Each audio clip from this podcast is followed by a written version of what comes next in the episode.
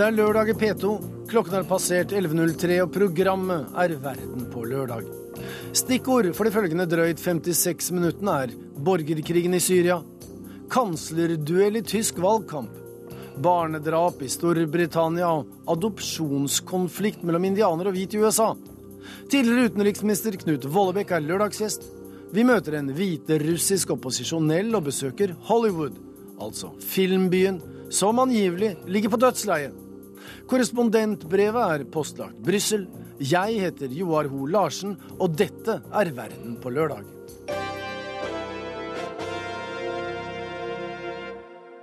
Som vi har hørt i Dagsnytt tidligere i dag, så er altså FNs våpeninspektører nå ute av Syria. Og dermed er ett hinder klarert før et eventuelt straffeangrep mot Syrias Assad-regimet etter at 1429 mennesker døde av et gassangrep for ti dager siden. USA hevder å kunne bevise at regimet står bak, og vil gjøre noe med det. Lytt til utenriksminister John Kerry. This is evidence. These are facts. So the primary question is really no longer what do we know? The question is what are we we collectively, what are we in the world going to do about it? I denne saken så vet vi i tillegg at president Obama har sagt at Assad vil bli straffet, men i et avgrenset angrep uten støvler på bakken, som det heter. Og han har ikke gitt noen tidsramme eller frist, men allerede på tirsdag så reiser Obama fra USA til G20-møtet i Moskva via Stockholm og møter med blant andre Jens Stoltenberg. Det er lite trolig at en aksjon mot Syria iverksettes før eller mens Obama er i Russland, som er Syrias viktigste allierte. Ikke minst siden viktige USA-allierte land helst vil vente på de tekniske analysene av våpeninspektørenes funn, hvilket angivelig kan ta to uker. Dette er i grove trekk noen av faktorene. Og Midtøsten-korrespondent Sigurd Falkenberg Mikkelsen, hvordan tolkes og analyseres dette scenarioet der du er i Beirut? Eh, mitt eh, inntrykk er at folk her eh, venter et amerikansk angrep ganske snarlig. At det er det mest sannsynlige etter det som har kommet fra Washington de siste dagene. Det er stor uro, selvfølgelig. De fleste, litt avhengig av hvordan man ser det, ser det på enten som, et, som en del av et slags eh, PR-stunt eh, for Obama eh, og hans regjering for å de skal redde ansikt. Andre ser det på som en starten på en mer, en mer grunnleggende involvering i den syriske borgerkrigen. Men det er klart at alle her er klar over hvor komplisert dette er, og hvor vanskelig situasjonen er inne, på, inne, inne i Syria. sånn at uh, Uavhengig av hvilken side man står på i den konflikten, så tror jeg alle ser at, eh, at dette kommer til å ta lang tid. Uansett om det blir amerikanske angrep eller ikke. Det dreier seg om Syria, men kan få regionale konsekvenser både i Libanon, spesielt i Sør-Libanon, der du er, og i Israel. Tolkes og analyseres den delen av konsekvensene?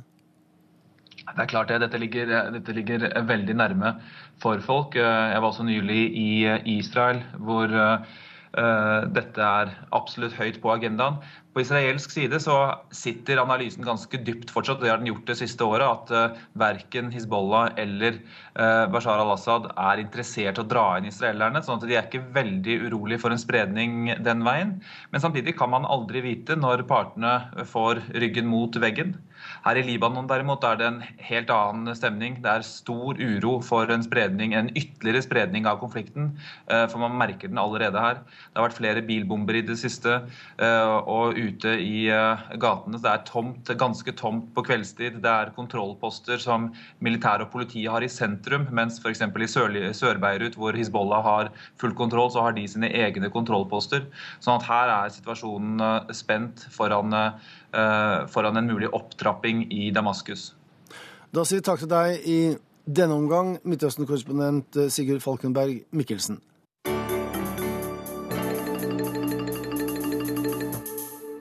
Som sagt og hørt, russerne er Syrias viktigste allierte, som de var en viktig støttespiller for Saddam Hussein for ti år siden.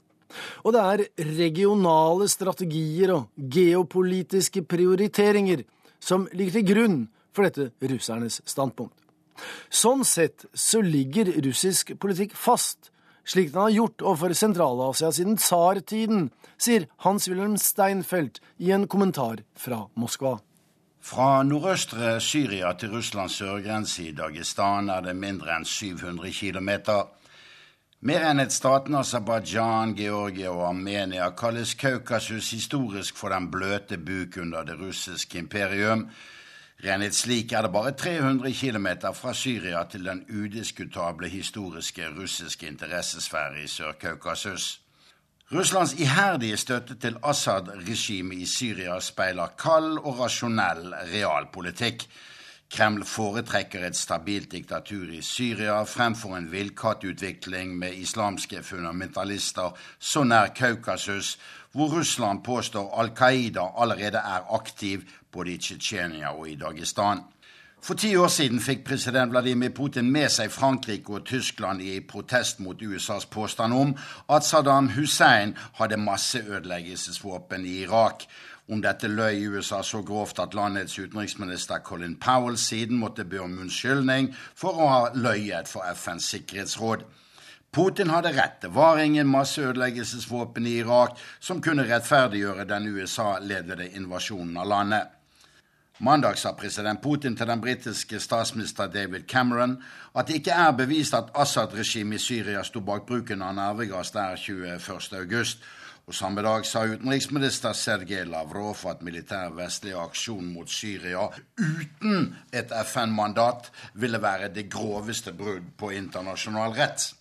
Lavrov prøvde også å så tvil om at nervegass virkelig var blitt brukt i Syria. Den nærmest vilkårsløse støtten til Assad-regimet fra Kremls side har isolert Russland nå, både i forhold til vestmakten og til store deler av den arabiske verden. Slik fortsatte ikke Russland seg før invasjonen av Irak for ti år tilbake. Med vetorett i FNs sikkerhetsråd kan ikke Russlands politikk nå forklares bare ved en marinebase som russerne har i Syria. Etter klarsynet til Putin da det gjaldt Irak, har det smelt mange bomber fra islamske terroristers side på russisk område.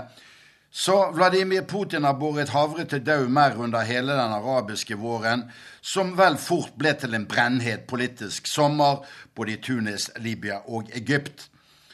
Russernes grep om sin forståelse for Midtøsten har sviktet, og utviklingen i Egypt nå er Kreml meget varsom med å kommentere. Russland, som kunne ha beveget Kina i FN, er på et vis blindet av sin avasjon mot islamsk fundamentalisme. I tillegg har russerne aldri vært glad i muslimer, enten de var persere, tyrkere eller 50 millioner sovjetborgere med røtter i islam, som de styrte helt til Sovjetunionens oppløsning i 1991. Men i dag forskrever russisk politikk seg i Midtøsten og i Sentral-Asia. På den ene siden har Russland et godt forhold til Israel, med en femtedel av sin befolkning innvandret fra den tidligere Sovjetunionen. På den andre siden har Russland et klientforhold til Syria og den andre erkefienden av Israel, Iran. Dilemmaet kan forklare alle de vetoniet som Russland har truet med når det gjelder Syria i FN.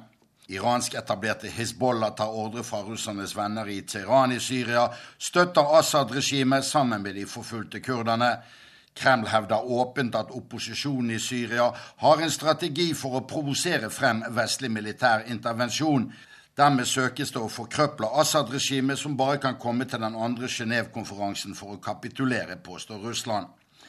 Vladimir Putin mener USA og vestmaktene nå kan bli nyttige idioter i Syria for krefter som står meget nær Taliban og Al Qaida men i sin militære maktesløshet sverger russerne bare til forhandlinger mellom partene, selv etter at nervegass ble tatt i bruk, ifølge Leger uten grenser, som var på plass i Syria 21.8. Militært verken tør eller kan russerne blande seg inn i Syria-konflikten, marinebase i landet eller ikke.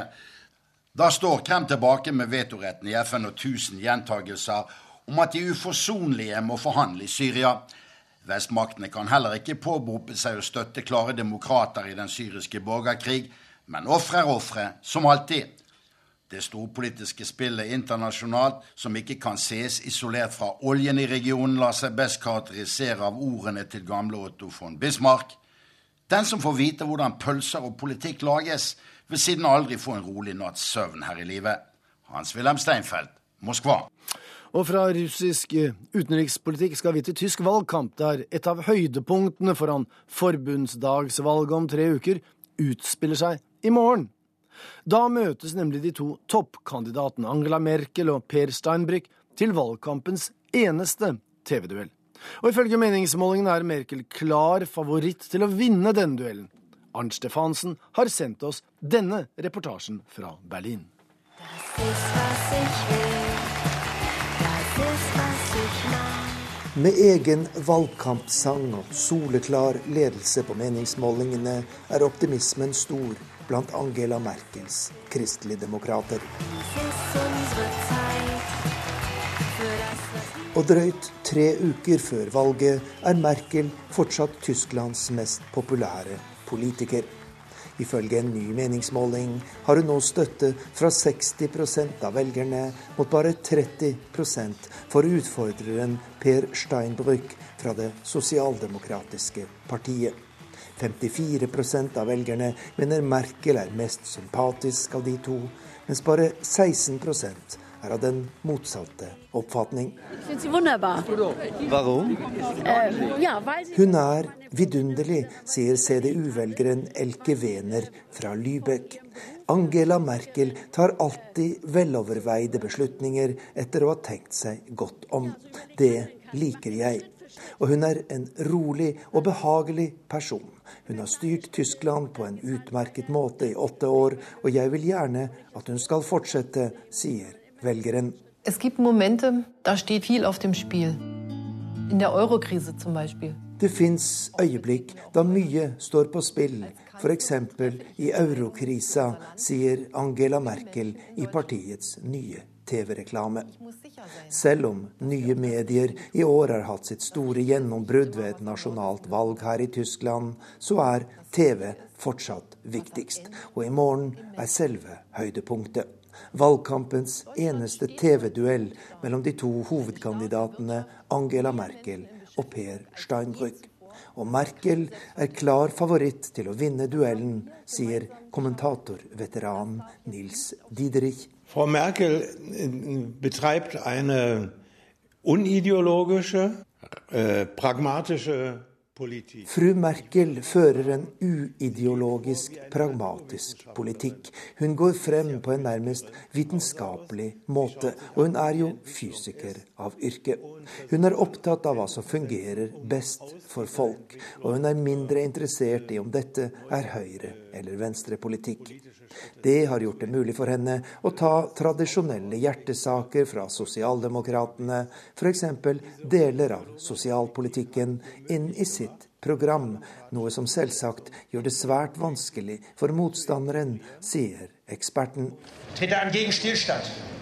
Für einen neuen Aufbruch in diesem Land. Mitt mål er å få til endringer her i Tyskland, sier sosialdemokratenes kanslerkandidat Per Steinbrück på et valgmøte her i Berlin.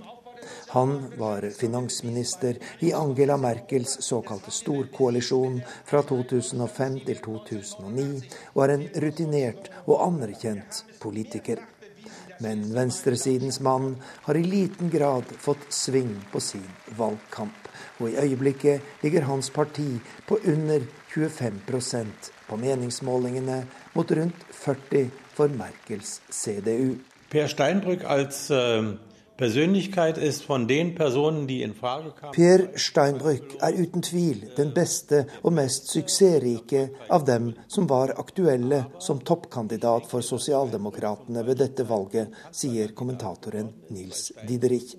Men han er, etter min oppfatning, rett mann til feil tid. For Steinbrück var en av arkitektene bak Agenda 2010, sosialdemokratenes store prosjekt for å slanke den tyske velferdsstaten. Og når SPD nå prøver å kapre stemmer på å kritisere Merkels sosialpolitikk og den vanskelige situasjonen for mange mennesker her i Tyskland, så er det ikke troverdig, sier eksperten.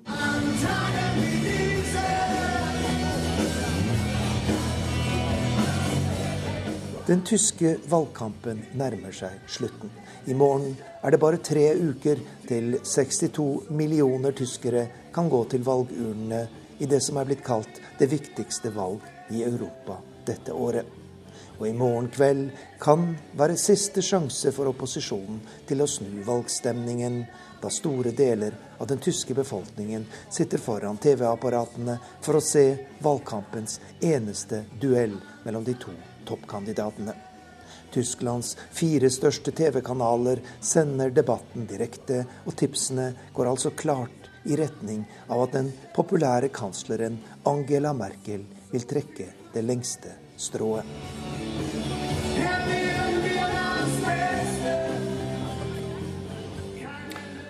Og nå Storbritannia til en meget dyster statistikk, for i snitt så drepes det nemlig 52 barn årlig i England og Wales.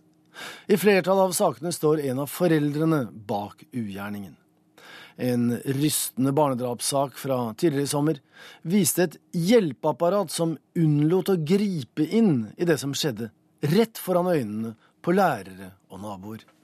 Daniel Pelka died weighing just one and a half stone. He was only four years old, killed by those meant to care and protect him.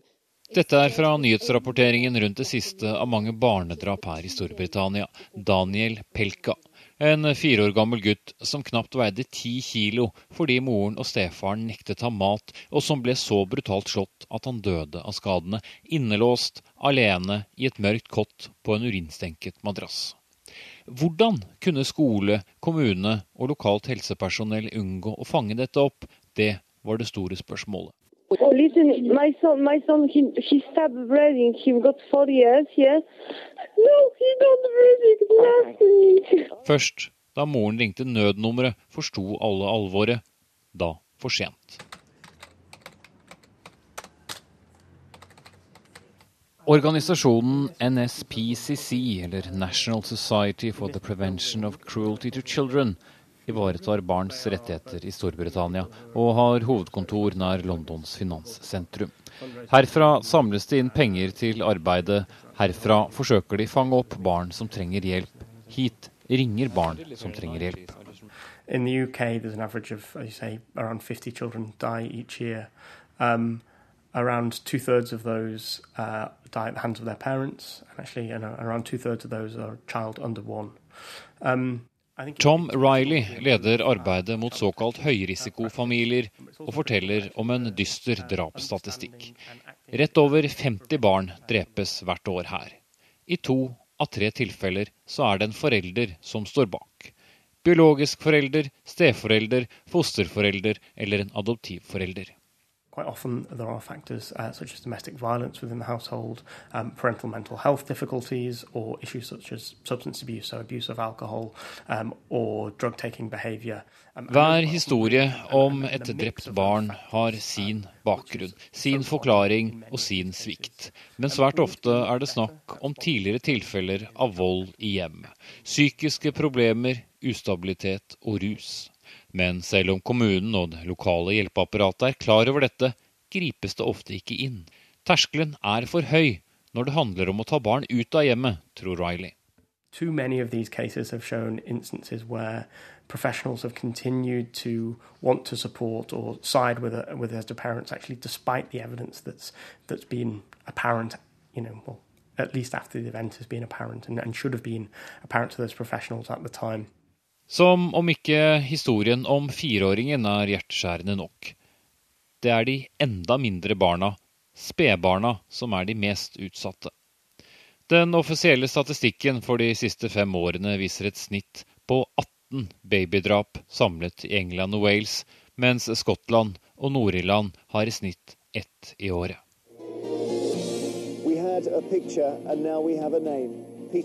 Baby P, eller Peter Connolly som han egentlig het, rakk å bli 17 måneder før et vondt liv tok slutt. Også her en mor og en stefar involvert, i tillegg stefarens bror. Risting, slag, mishandling, blåmerker smurt inn med sjokolade for å skjule det for helsepersonell. Likevel så ble det sendt bekymringsmeldinger. sågar anonyme varsler, men til ingen nytte. Først etter at Baby P var drept, ble det tatt affære. Flere av dem som kunne avverget det hele, fikk sparken for ikke å ha gjort det. No child death is acceptable, and I think none of us can stop um, wherever we are within uh, the system of those working with children and families. None of us can stop until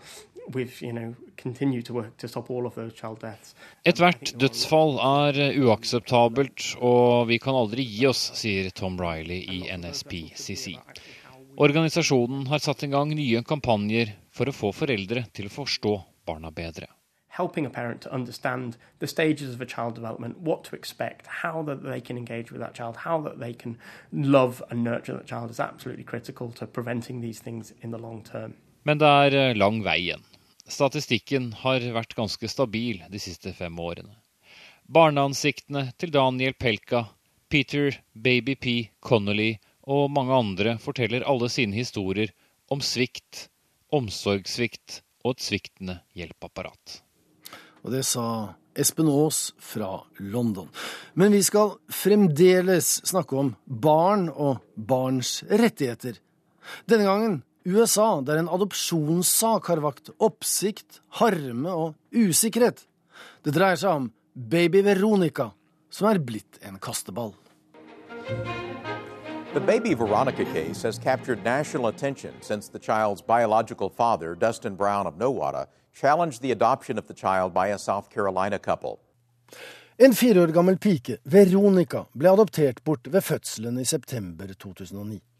Moren, Christina Maldonado fra Oklahoma, hadde inngått en avtale med Matt og Melanie Capabianco om at de skulle få adoptere henne, mot at hun, altså barnemoren, fikk lov til å treffe datteren og være sammen med henne.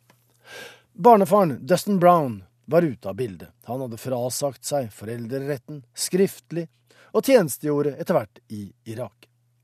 Familien Capobianco reiste lykkelige tilbake til Charleston i Sør-Carolina med den nyfødte, og alt var tilsynelatende fryd og gammen, inntil noen tørket støv av ICWA, ICWA, The Indian Child Welfare Act fra 1978.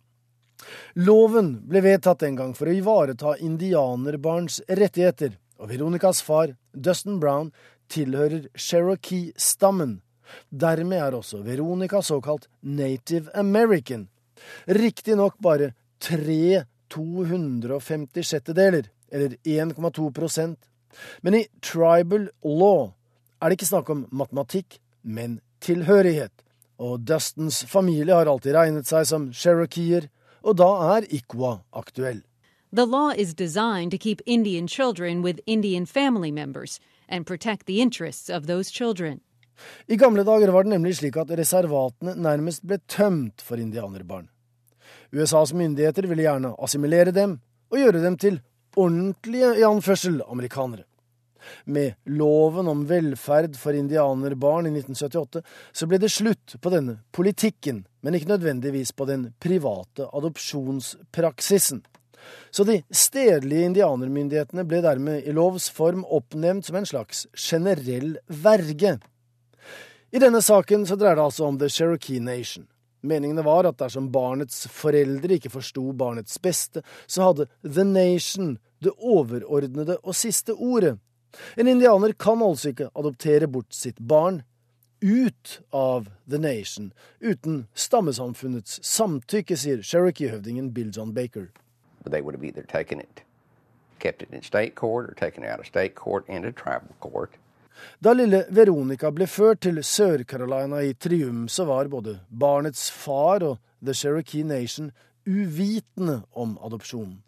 Morens advokat hadde nemlig feilstavet barnefarens navn, så enten ble det aldri sendt noen dokumenter, eller de dokumentene som ble sendt, kom aldri fram. Barnefaren, hjemme fra Irak og nygift på annet hold, hevdet så sin rett og fikk tilbake barna han aldri hadde sett, etter at hun hadde bodd mer enn to år hos Capobiancos i Sør-Carolina. Dette er vår datter, sier Dustin. Her whole world revolves around me and my wife. You know, we're mommy and daddy. Dette er bare trist og tragisk for alle parter. Hadde alt gått rettmessig for seg fra første stund, så ville dette aldri ha skjedd.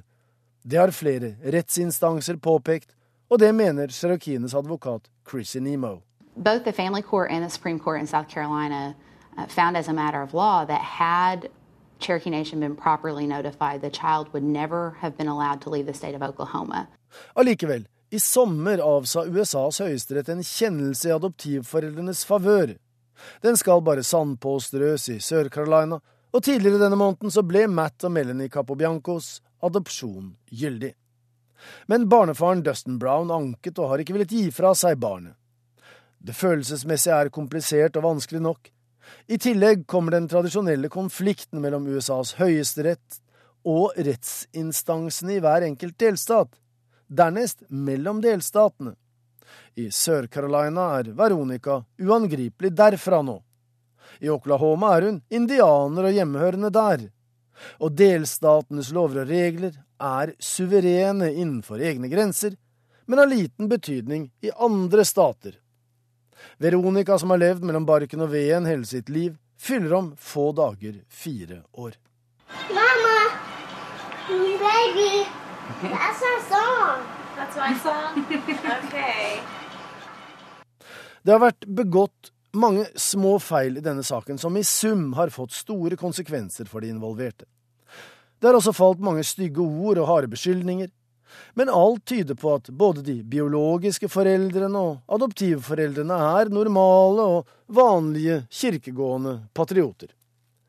Men den er blitt juridisk komplisert fordi partene har opptrådt uryddig, men ofte i god tro og jurister har tørket støvet av tidsfrister og lovparagrafer som folk flest ikke kjenner.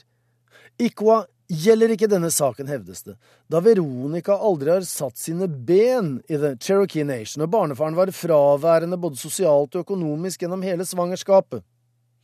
Problemet nå er at saken ikke lenger dreier seg om lille Veronica og hennes skjebne. Den er blitt en politisk og juridisk nøtt og en prinsippsak. Indianske talsmenn hevder at det hvite USA opptrer arrogant, og at de såkalte mainstream media har tatt standpunkt for en oppvekst i en hvit forstad fremfor på et reservat. Det er blitt en sak om urfolks rettigheter og etniske minoriteters plass i samfunnet, om klassejuss og finkultur, og den er blitt kalt det viktigste slaget om indianernes posisjon i USA på 30 år. Men én positiv detalj til slutt. Det er tegn som tyder på at partene er i ferd med å besinne seg. For alle vil barnets beste, som det heter, hva nå enn det er. Men det er snakk om å finne en menneskelig løsning, og sette juridiske og andre hensyn til side. For det dreier seg tross alt om en liten pike som snart fyller fire år. Det kan fort bli glemt når man skal ri både prinsipper og paragrafer.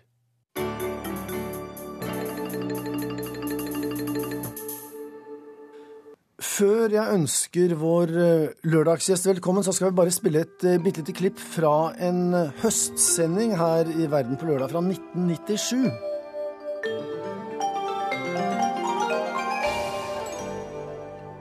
Denne oktoberformiddagen har Verden på lørdag følgende tilbud. Utenriksminister Knut Vollebæk svarer på konkrete spørsmål om utenrikspolitiske temaer. Vi skal høre fra Italia. Ja, Dagen før dette, altså fredag den 17. oktober, for det som vel snart må være 16 år siden, så var eh, du blitt utnevnt til utenriksminister Knut Vollebekk. Velkommen tilbake i Verden på lørdagsstudio. Tusen takk skal du ha. Du satt som utenriksminister i tre år og var en hyppig gjest her på Marienlyst. Hvis du skal trekke frem noe du tenker tilbake på med hva skal vi si, spesiell glede eller interesse fra den perioden, de tre årene, hva, hva er det du kan si som nærmest oppsummerer disse tre årene? Du brukte ordet glede, og det som jo selvsagt er det som er fremst i pannebrasken på meg, det er jo Kosovo. Og det tenker jeg jo ikke tilbake på med glede. Men det var, for det var en tid som var veldig dramatisk for Europa, også for meg da som utenriksminister. Og det som oppsummerer min periode, syns jeg på mange måter var jo et Europa som sto overfor konflikter de ikke greide å håndtere, og uh, skapte en situasjon hvor man måtte tenke nytt. Hva kan vi gjøre for å fortsette å ha et stabilt Europa også i den nye multipolare verden som vi da hadde? Om en drøy uke så er det valg i Norge. Eh, mange vil bli borte fra rikspolitikken helt uavhengig av, av utfallet. Du ble også det på et vis i, i 2000, men du er altså et godt eksempel på at det, det, finnes et liv etter Løvebakken, for å si det slik. Du var Norges ambassadør til USA i seks år, og så var du høykommissær for nasjonale minoriteter i OSSE, altså Organisasjonen for samarbeid og sikkerhet i Europa, like lenge. Kan du først si hvilke grupper var det du, av minoriteter var det du jobbet mest med, hadde mest med å gjøre, som kanskje var et slags hovedfelt for deg i den jobben? Eh, jobben min, eller institusjonen, ble opprettet i 92 pga. krigen på Balkan. Så Balkan står veldig sentralt fortsatt i det arbeidet vi gjør. Det var nesten en videreføring fra det du sa om ditt arbeid som utenriksminister? Ja, på mange måter har det vært det. Og jeg kjenner jo mange av de menneskene jeg har jobbet med de siste seks årene, nettopp tilbake fra min tid på Balkan, både som utenriksminister og da jeg jobbet for FN litt tidligere der. Men i tillegg til det så har man jobbet, øh, og jobber vi, og de som nå fortsetter, i det tidligere Sovjetunionen. For det er jo en, en gruppe land som da ble etablert da Sovjetunionen falt fra hverandre, hvor du har en rekke minoriteter, et lappeteppe av minoriteter, bl.a. fordi Stalin brukte dette med deportasjon som et øh, virkemiddel for å, for å straffe folk. Og dermed så, øh, da disse landene nå blir uavhengige, så ligger det også her kimer til konflikt, som vi har da prøvd å jobbe med. Kimer som enkelte grupper også prøver å spille på å utnytte? Ja, jeg må si jeg ser med en viss uro på den situasjonen vi har i dag. Ikke minst i Europa, faktisk.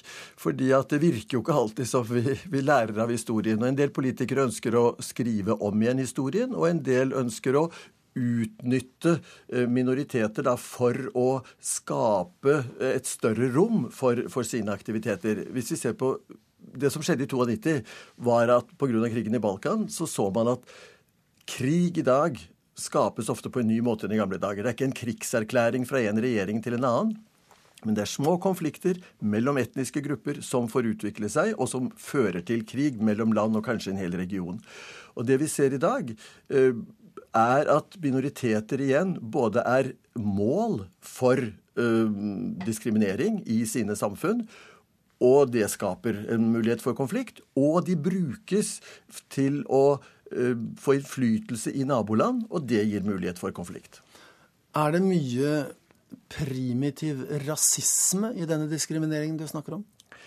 Ja, det er nok en god del rasisme. Det vi vel ser, er at EU er en velsignelse på veldig mange måter. og Det er ingen tvil om at det har skapt et uh, mer stabilt Europa og sikret en stabilitet. og Det håper jeg at det kan gjøre fremover.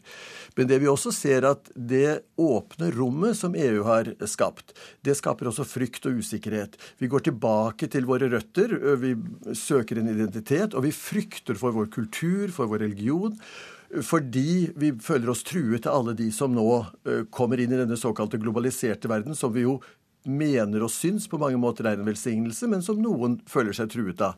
Du har jo levd et langt liv i diplomatiet, og du nevner ingen grupper, du nevner ingen land, du nevner ingen statsledere.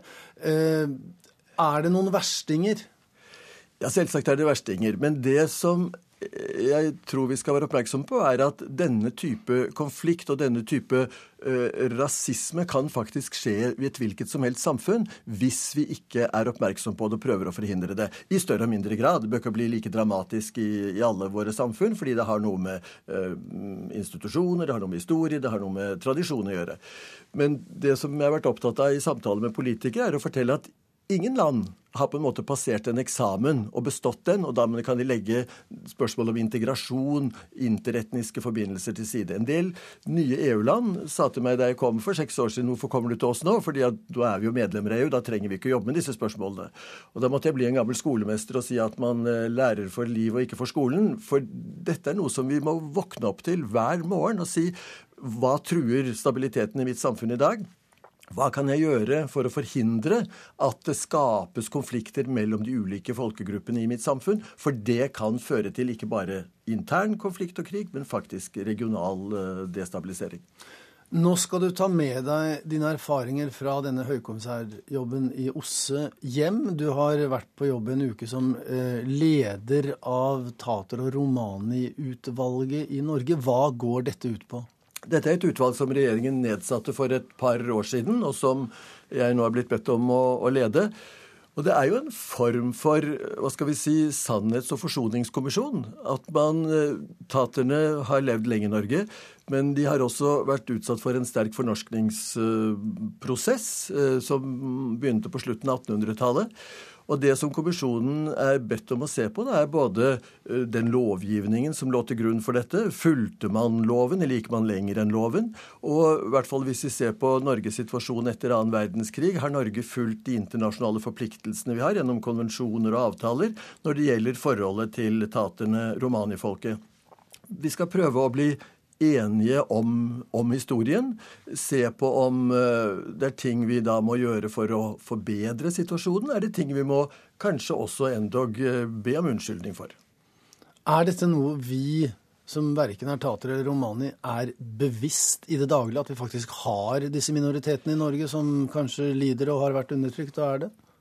Politisk sett har det jo vært en økende bevisstgjøring om det, og tater er jo blitt en av Norges nasjonale minoriteter, så det tror jeg er viktig. Men samtidig tror jeg du har helt rett i at øh, folk ikke er så bevisste fordi at når jeg forteller hva jeg nå steller med, så ser veldig mange mennesker ut som et spørsmålstegn.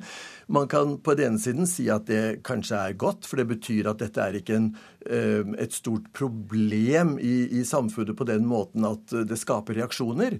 Men samtidig er det et problem for dem det gjelder. For det betyr jo også at de ofte da er tilsidesatt, ikke er inkludert i prosessen og i det arbeidet med å bli en del av det norske samfunnet. Så det som jeg syns er fint at regjeringen har gjort uh, ved å se på dette, er at man kanskje nå kan uh, ta fatt i dette problemet før det blir større enn det det allerede er. Takk til deg, Knut Vollbekk. Takk for at du var vår lørdagsgjest her i Verden på lørdag.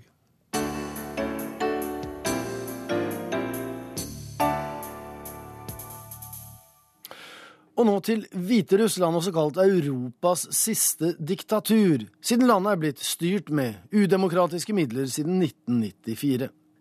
President Aleksandr Lukasjenko slår hardt ned på alle som sier han imot eller truer hans posisjon. En som har fått merke Lukasjenkas harde hånd, er Anatolij Lebedko. Guri Nordstrøm møtte ham da han var i Oslo nylig, og fortalte om sine 108 døgn i KGBs beryktede fengsel.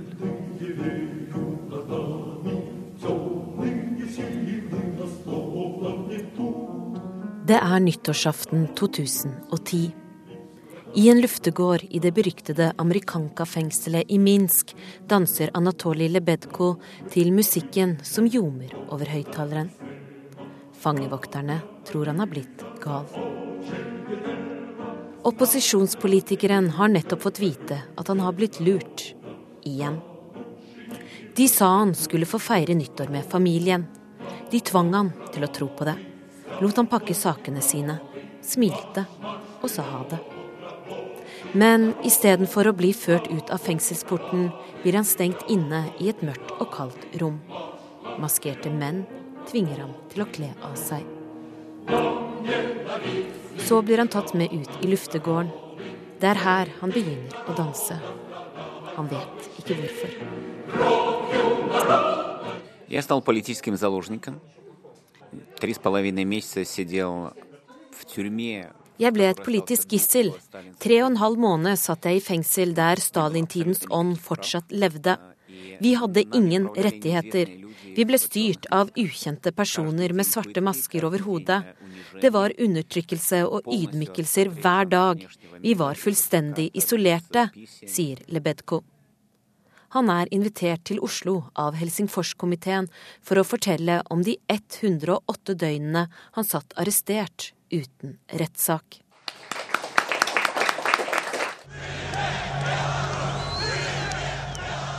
«2010 var optimismens år i Hviterussland.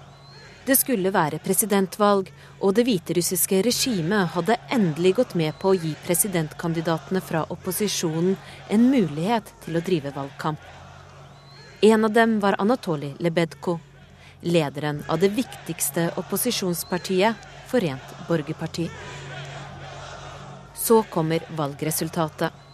Og Aleksandr Lukasjenko, Mannen som har styrt landet med jernhånd siden 1994, blir utropt til vinner.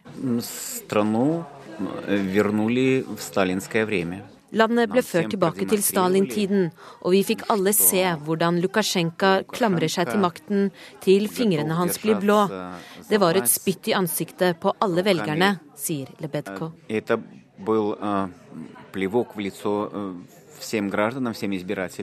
Han oppfordrer folk til å protestere men blir selv arrestert sammen med 30 andre ledende opposisjonelle, journalister og aktivister. Håpet om forandring får en kraftig knekk. Lukasjenkas styre er basert på tre stolper. Den første er frykt. Frykten er Lukasjenkas mest pålitelige partner.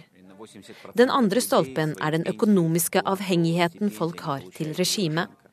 80 av befolkningen får sine lønninger, pensjoner og stipender fra Lukasjenko. Den tredje stolpen er Kreml, som er sponsor og advokat for Lukasjenkas regime, sier Lebedka. У Путина есть мечта, он хочет войти в историю как а, человек, а, который объединил земли постсоветского пространства вокруг а, Москвы. Putin har jo en drøm om å være den mannen som klarer å forene de postsovjetiske områdene. Han ser Hviterussland som et område som må bli en del av Russland. Men Lebedka vil ikke gi opp drømmen om et fritt og demokratisk land.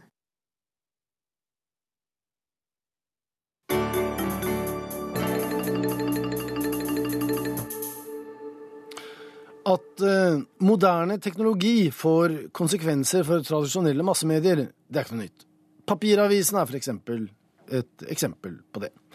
Men nå merker også Hollywood presset. storfilmer med showpremierer og megastjerner på rød løper kan høre historien til, sier Tove Bjørgaas fra et eller annet amerikansk kinolokale. If you are just tuning in, we are going to breaking news out of Washington.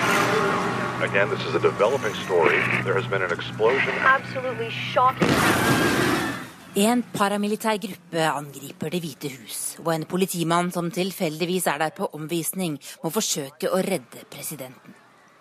Filmen 'White House Down', regissert av Ronald Emmerich, har norgespremiere om et par uker.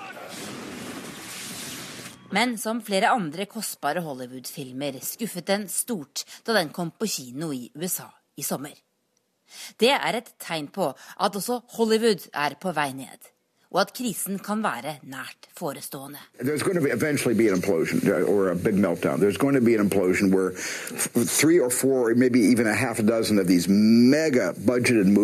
go Hollywood kommer til å implodere.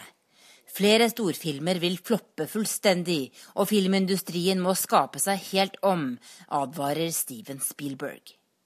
Den høyt respekterte regissøren har kommet med advarselen lenge. Han mener brorparten av kinoene i USA vil måtte legge ned om ikke mange årene.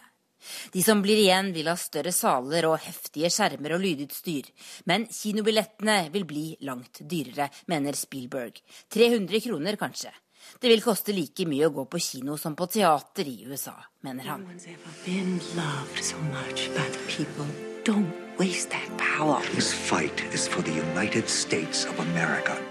Spielberg fikk selv kjenne utviklingen på kroppen da han måtte kjempe for å få sitt eget epos om Abraham Lincoln vist på amerikanske kinoer i fjor. Filmen 'Lincoln' ble til slutt en kritikerrost suksess. Men kanskje hadde den vært en større hit på TV. For det er den lille, fleksible skjermen, TV-en og nettbrettet vi vil ha nå.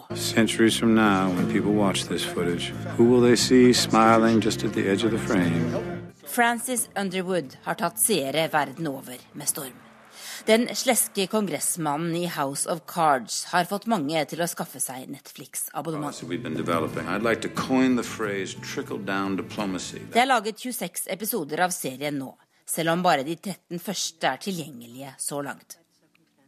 De er det til gjengjeld mange som har sett bare på et par dager. For slik er det blitt. Folk vil ha kontroll over filmene sine. Vi vil se alle episodene med en gang dersom vi har sjansen. The film industry didn't believe that television could ever become its biggest competitor. And I do not think that anyone today, 15 years later, in terms of character driven drama, can argue that television has not indeed taken over. Filmindustrien trodde ikke TV kunne utkonkurrere den. Men det har TV gjort nå, sa Kevin Spacey, som spiller hovedrollen i House of Cards, på en TV-konferanse i Edinburgh denne uka.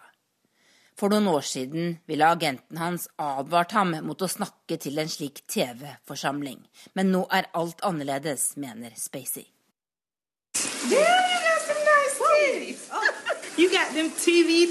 Film er blitt best på TV, og Orange is the new black.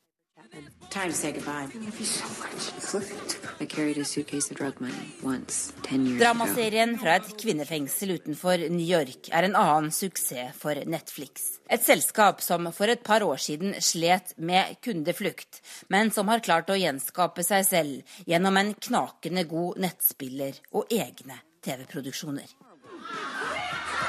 Om et par uker kan Netflix innkassere sine første Emmy-priser gjennom House of Cards. TV-prisen kan fort bli like viktig som storebror Oscar dersom utviklingen fortsetter.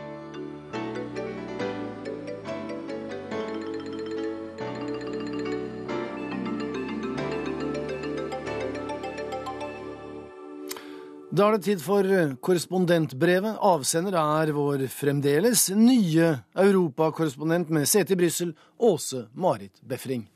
Ass, sa han og så meg inn i øynene. Mannen som for få minutter siden hadde ringt på døra mi, var kledd i svarte langbukser til tross for at gradestokken viste over 30 grader. Men skjorta var kortermet. Han hadde skjøvet solbrillene opp i panna som glinset av svette. I beltet bar han en pistol som hvilte lett synlig mot låret. Det var lørdag kveld, og jeg var alene hjemme. I lang tid hadde jeg ventet på at han skulle komme. Nå sto han altså der, i døråpningen, og kalte meg ass, tydeligvis ikke klar over den engelske betydningen av ordet. Mannen så ned i passet mitt igjen. Ass marite befring? Å flytte til et nytt land har sine sider, noen mer overraskende enn andre. En av dem er de manglende engelskkunnskapene til store deler av den fransktalende befolkningen. Det har selvfølgelig sine grunner. En annen er papirmølla. Og det var nettopp i byråkratiets tjeneste politimannen kom på døra. Han skulle sjekke at jeg virkelig bodde i huset. Når det var slått fast, var det bare å skrive under noen papirer, og prosessen med å få belgisk identitetskort kunne begynne. For å bo i Brussel må du ha ID-kort. Med det kan du få pressekort, praktisk å ha for en journalist. Du kan kjøpe bil, kjekt å ha når du har stor familie. Det krever jo som kjent en del logistikk og innkjøp. Ordne hvit vaskehjelp, det må jeg ha. Altså både lovlig og rett og slett nødvendig hjelp når arbeidsdagen egentlig aldri er over. Og ellers ordne ting i kommunen som krever et ID-nummer, noe du selvfølgelig ikke har før du får et ID-kort. Derfor sto jeg på trappa til kommunehuset klokken åtte på morgenen, tre dager ute i min nye korrespondenttilværelse, med opprettede skjorteermer og klar til å gyve løs på byråkratiet. Jeg hadde lest på nettsiden deres hva jeg skulle ha med, to kopier av husleiekontrakten, to bekreftelser fra arbeidsgiver om at jeg jobber i landet, fødselsattest, vigselspapirer, pass, førerkort og fem passbilder. Denne er feil, sa damen bak skranken. Det var fødselsattesten hun mente. Feil stempel, og vigselspapirene mangler apostille. Er arbeidsgiveren din i Norge, sier du? Hvordan kan du bevise at du jobber her da? Dessuten må han fylle ut et eget skjema som du kan ta med herfra. Han vil nok ikke klare å svare på alt, men la ham prøve, la hun hjelpsomt til. Så var det de fem passbildene, da, der bakgrunnen hadde et svakt grønnskjær i det hvite ikke godkjent. Litt slukøret forlot jeg bygget og skjønte at dette kommer til å ta tid. Ikke at jeg ikke var advart på forhånd. En kollega fra irsk TV fortalte meg at det tok over et halvt år før han sto med det lille plastkortet i hånden. Og det til tross for at Irland er med i EU, og Brussel er jo som kjent ansett som EUs hovedstad. Tre uker senere troppet hele familien opp på kommunehuset igjen med nye papirer, bilder og pågangsmot. En god halvtime etter sto vi på gata med beskjed om å komme tilbake så snart helsepapirene var klare. Og så skulle politiet komme en gang til på døra vår for å sjekke at hele familien bor her. Vi er jo ikke akkurat alene i køen om å skaffe ID-kort til Belgia. Her ligger de fleste EU-institusjonene, som EU-kommisjonen, EUs råd og EU-parlamentet, selv om det egentlig har adresse Strasbourg. I tillegg er Natos hovedkvarter her. Det er anslått at hele 15% av befolkningen i Brussel er såkalte expats, altså utlendinger som meg med bostedsadresse Belgia for noen år. Her er noen av de største gruppene europeiske expats i Brussel. Antallet utlendinger i EU-institusjonene rundt 40 000, Natos hovedkvarter 4000, 20 000 lobbyister, altså de som vil påvirke avgjørelser i Nato eller EU, 5000 diplomater, 1000 journalister og et utall personer som jobber for en rekke frivillige organisasjoner, bedrifter og andre som av ulike grunner ser det som formålstjenlig å være i hjertet av EU.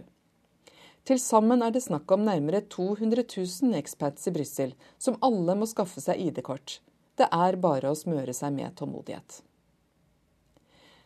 Med så mange utlendinger som kommuniserer på engelsk, blir dette fremmedspråket desto viktigere for belgere å lære i skolen skulle man tro. Over helgen starter et nytt skoleår her i Belgia. Da kommer spente og forhåpentligvis motiverte barn tilbake etter en lang ferie. Men selv om de alle er barn av samme land, er det høyst ulikt hva slags skoletilbud de får. Her finnes nemlig ingen overordnet nasjonal læreplan som i Norge. I stedet er den overlatt til regionene. Før 1930 var situasjonen en annen. Da gikk så å si alle barn på fransktalende skoler. Men i 1932 skjedde det som skulle endre Belgias historie. Det kom en lov som forbød franske skoler i Flandern, med unntak av de stedene der det bodde omtrent like mange fransktalende som flamsktalende. Men med opprettelsen av språkgrensen i 1963 forsvant de siste franske skolene i Flandern, og landet ble nærmest delt i to. I dag har Flandern i nord én lærerplan, Vallonia i sør en annen. Selv den lille tysktalende enklaven i øst har en egen læreplan, som bestemmer hva som er obligatorisk å undervise i på skolen.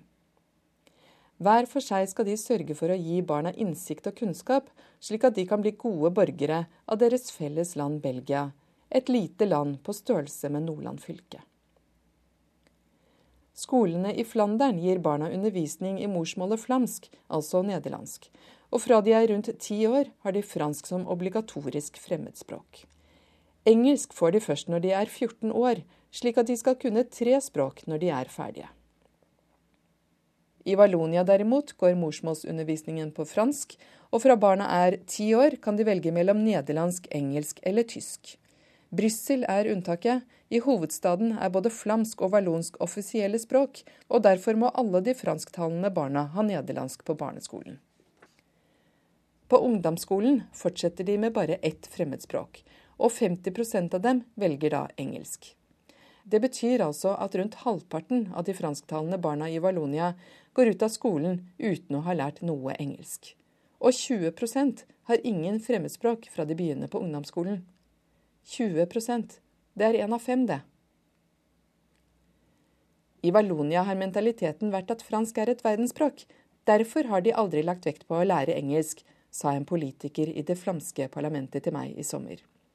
Mange er også imot å ha nederlandsk i skolen, fordi det bare snakkes i noen få land, og selv om det altså snakkes i deres eget, fortalte hun. Etter å ha vært rundt i Flandern noen ganger, har jeg en mistanke om at mange der heller ikke er så begeistret for fransk. Helt siden middelalderen har fransk blitt sett på som overklassens språk i Belgia. Og som du sikkert har skjønt, har språk høy symbolverdi i dette landet. Men vallonerne har sakket akterut. Det er Flandern som er den fremgangsrike regionen nå. Mange arbeidsgivere ansetter bare folk som er tospråklige, og som på toppen av det hele snakker godt engelsk.